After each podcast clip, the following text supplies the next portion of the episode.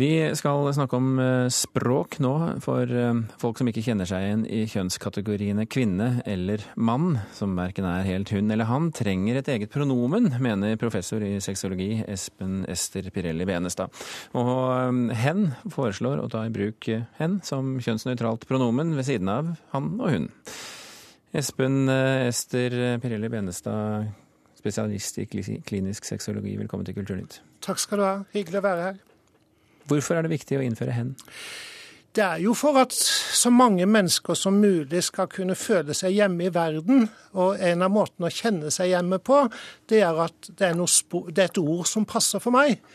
Det er på en måte det helt grunnleggende at vi i våre menneskelige kulturer har plass for alt det som menneskelig er. Hvordan eh, reagerer du hvis noen kaller deg hen, eller bruker ordet hen, pronomenet hen på deg? Jeg blir, jeg blir rørt, eh, og det er jo veldig rart. Jeg er jo gammel og ganske hard i skinnet etter hvert, men, men, da blir jeg altså rørt. Eh, og eh, når mine to, eller ikke mine to, men når to av våre barnebarn sier hva, hva, skal vi, hva, skal vi, kalle deg, bester? Skal du være hun eller han? Så sier jeg jeg kan godt si hen. Å, det var lurt! Mm, og de kaller deg bare beste, ja? Best, bester.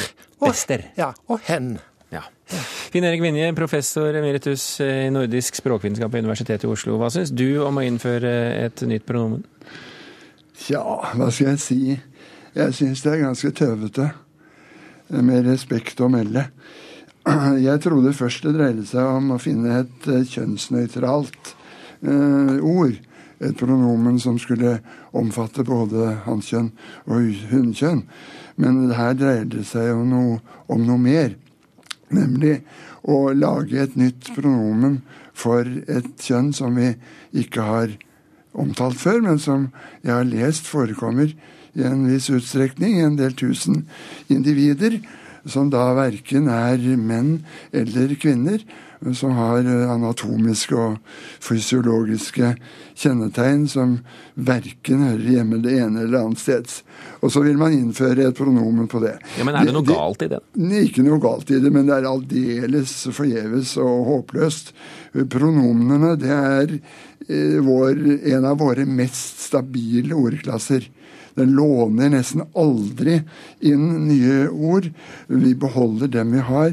Og det bør vi nok også fortsette med å gjøre. Men, men, er, du, men er, du, motstander eh, Vinje, Vinje, et øyeblikk, er du motstander av å prøve å innføre hen, eller, ja, ja. eller syns du det bare er dumt? Ja, du kan gjerne prøve for meg, men det er, det er aldeles nytteløst.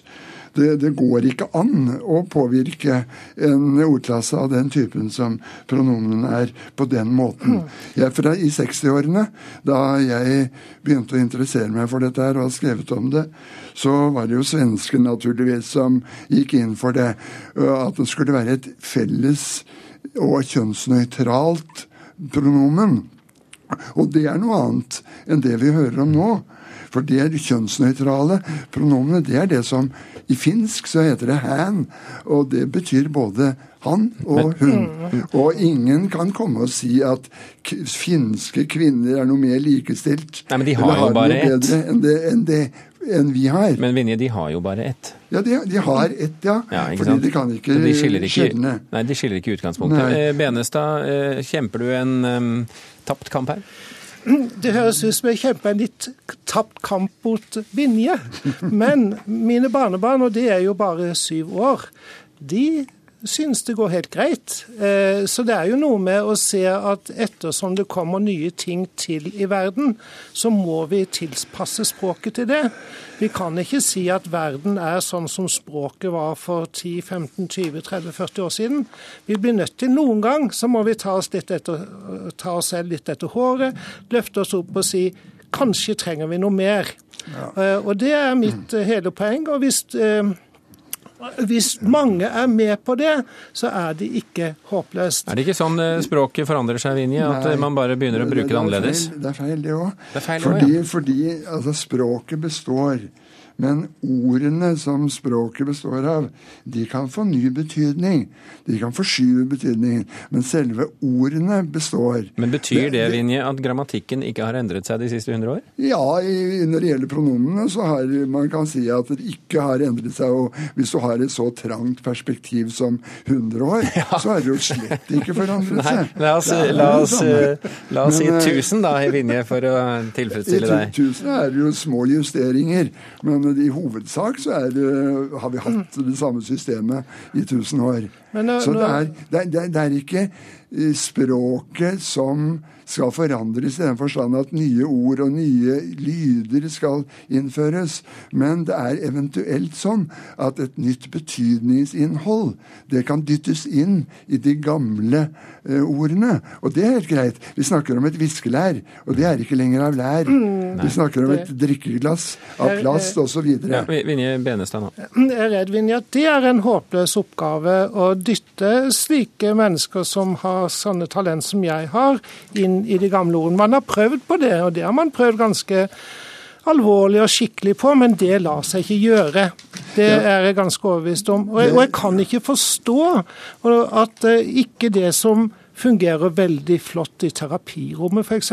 Der bruker vi de pronomene hele tiden vi og ser at det er av ganske stor betydning for at mennesker skal føle seg trygge og hjemme.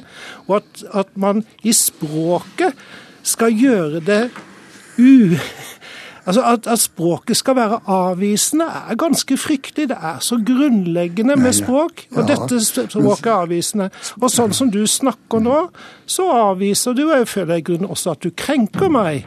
Krenker si at, ja, det Nei, syns jeg du gjør. unnskyldning, for ja, det, er ikke, jeg du skal det gjøre. Ikke, det er ikke min mening. Nei, men det er jo det som blir konsekvensen. Jeg tror ikke det er din mening, men, men konsekvensen blir det. Men, du vet, det, det blander sammen to ting her. Ene ting er kjønnsnøytrale pronomener. Og der har man fra 60-årene forsøkt seg med høns og høn og bare hn. Og man har forsøkt seg nå altså med hen.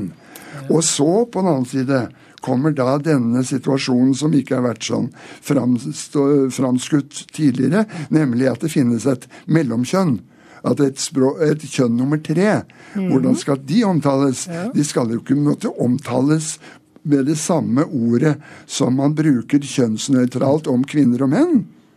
Det, det, det må, hvis den skal gå ordentlig til verks nå, mm -hmm. så må du lage et nytt. Hen går ikke, for det er, det er opptatt, det. du må lage et helt nytt et. Hva er det hen brukes til?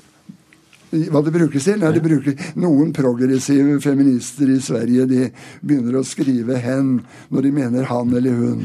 Men Vinje, altså Det er det kjønnsnøytralt. Vinje, la oss nå si at, eh, at Benestad her får rett, og at eh, barn og ungdom begynner å bruke dette, og så endrer eh, språket seg og tar inn over seg ordet 'hen'. Som språkprofessor, ville du synes at det var interessant? Ja, meget interessant. Oppsiktsvekkende. Ja, men så flott!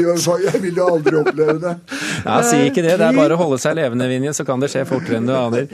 Uansett, eh, Finn Erik Vinje, professor i nordisk, og Espen eh, Ester Pirelli Benestad, tusen hjertelig takk for at dere kom til eh, Kulturnytt. Takk skal du ha.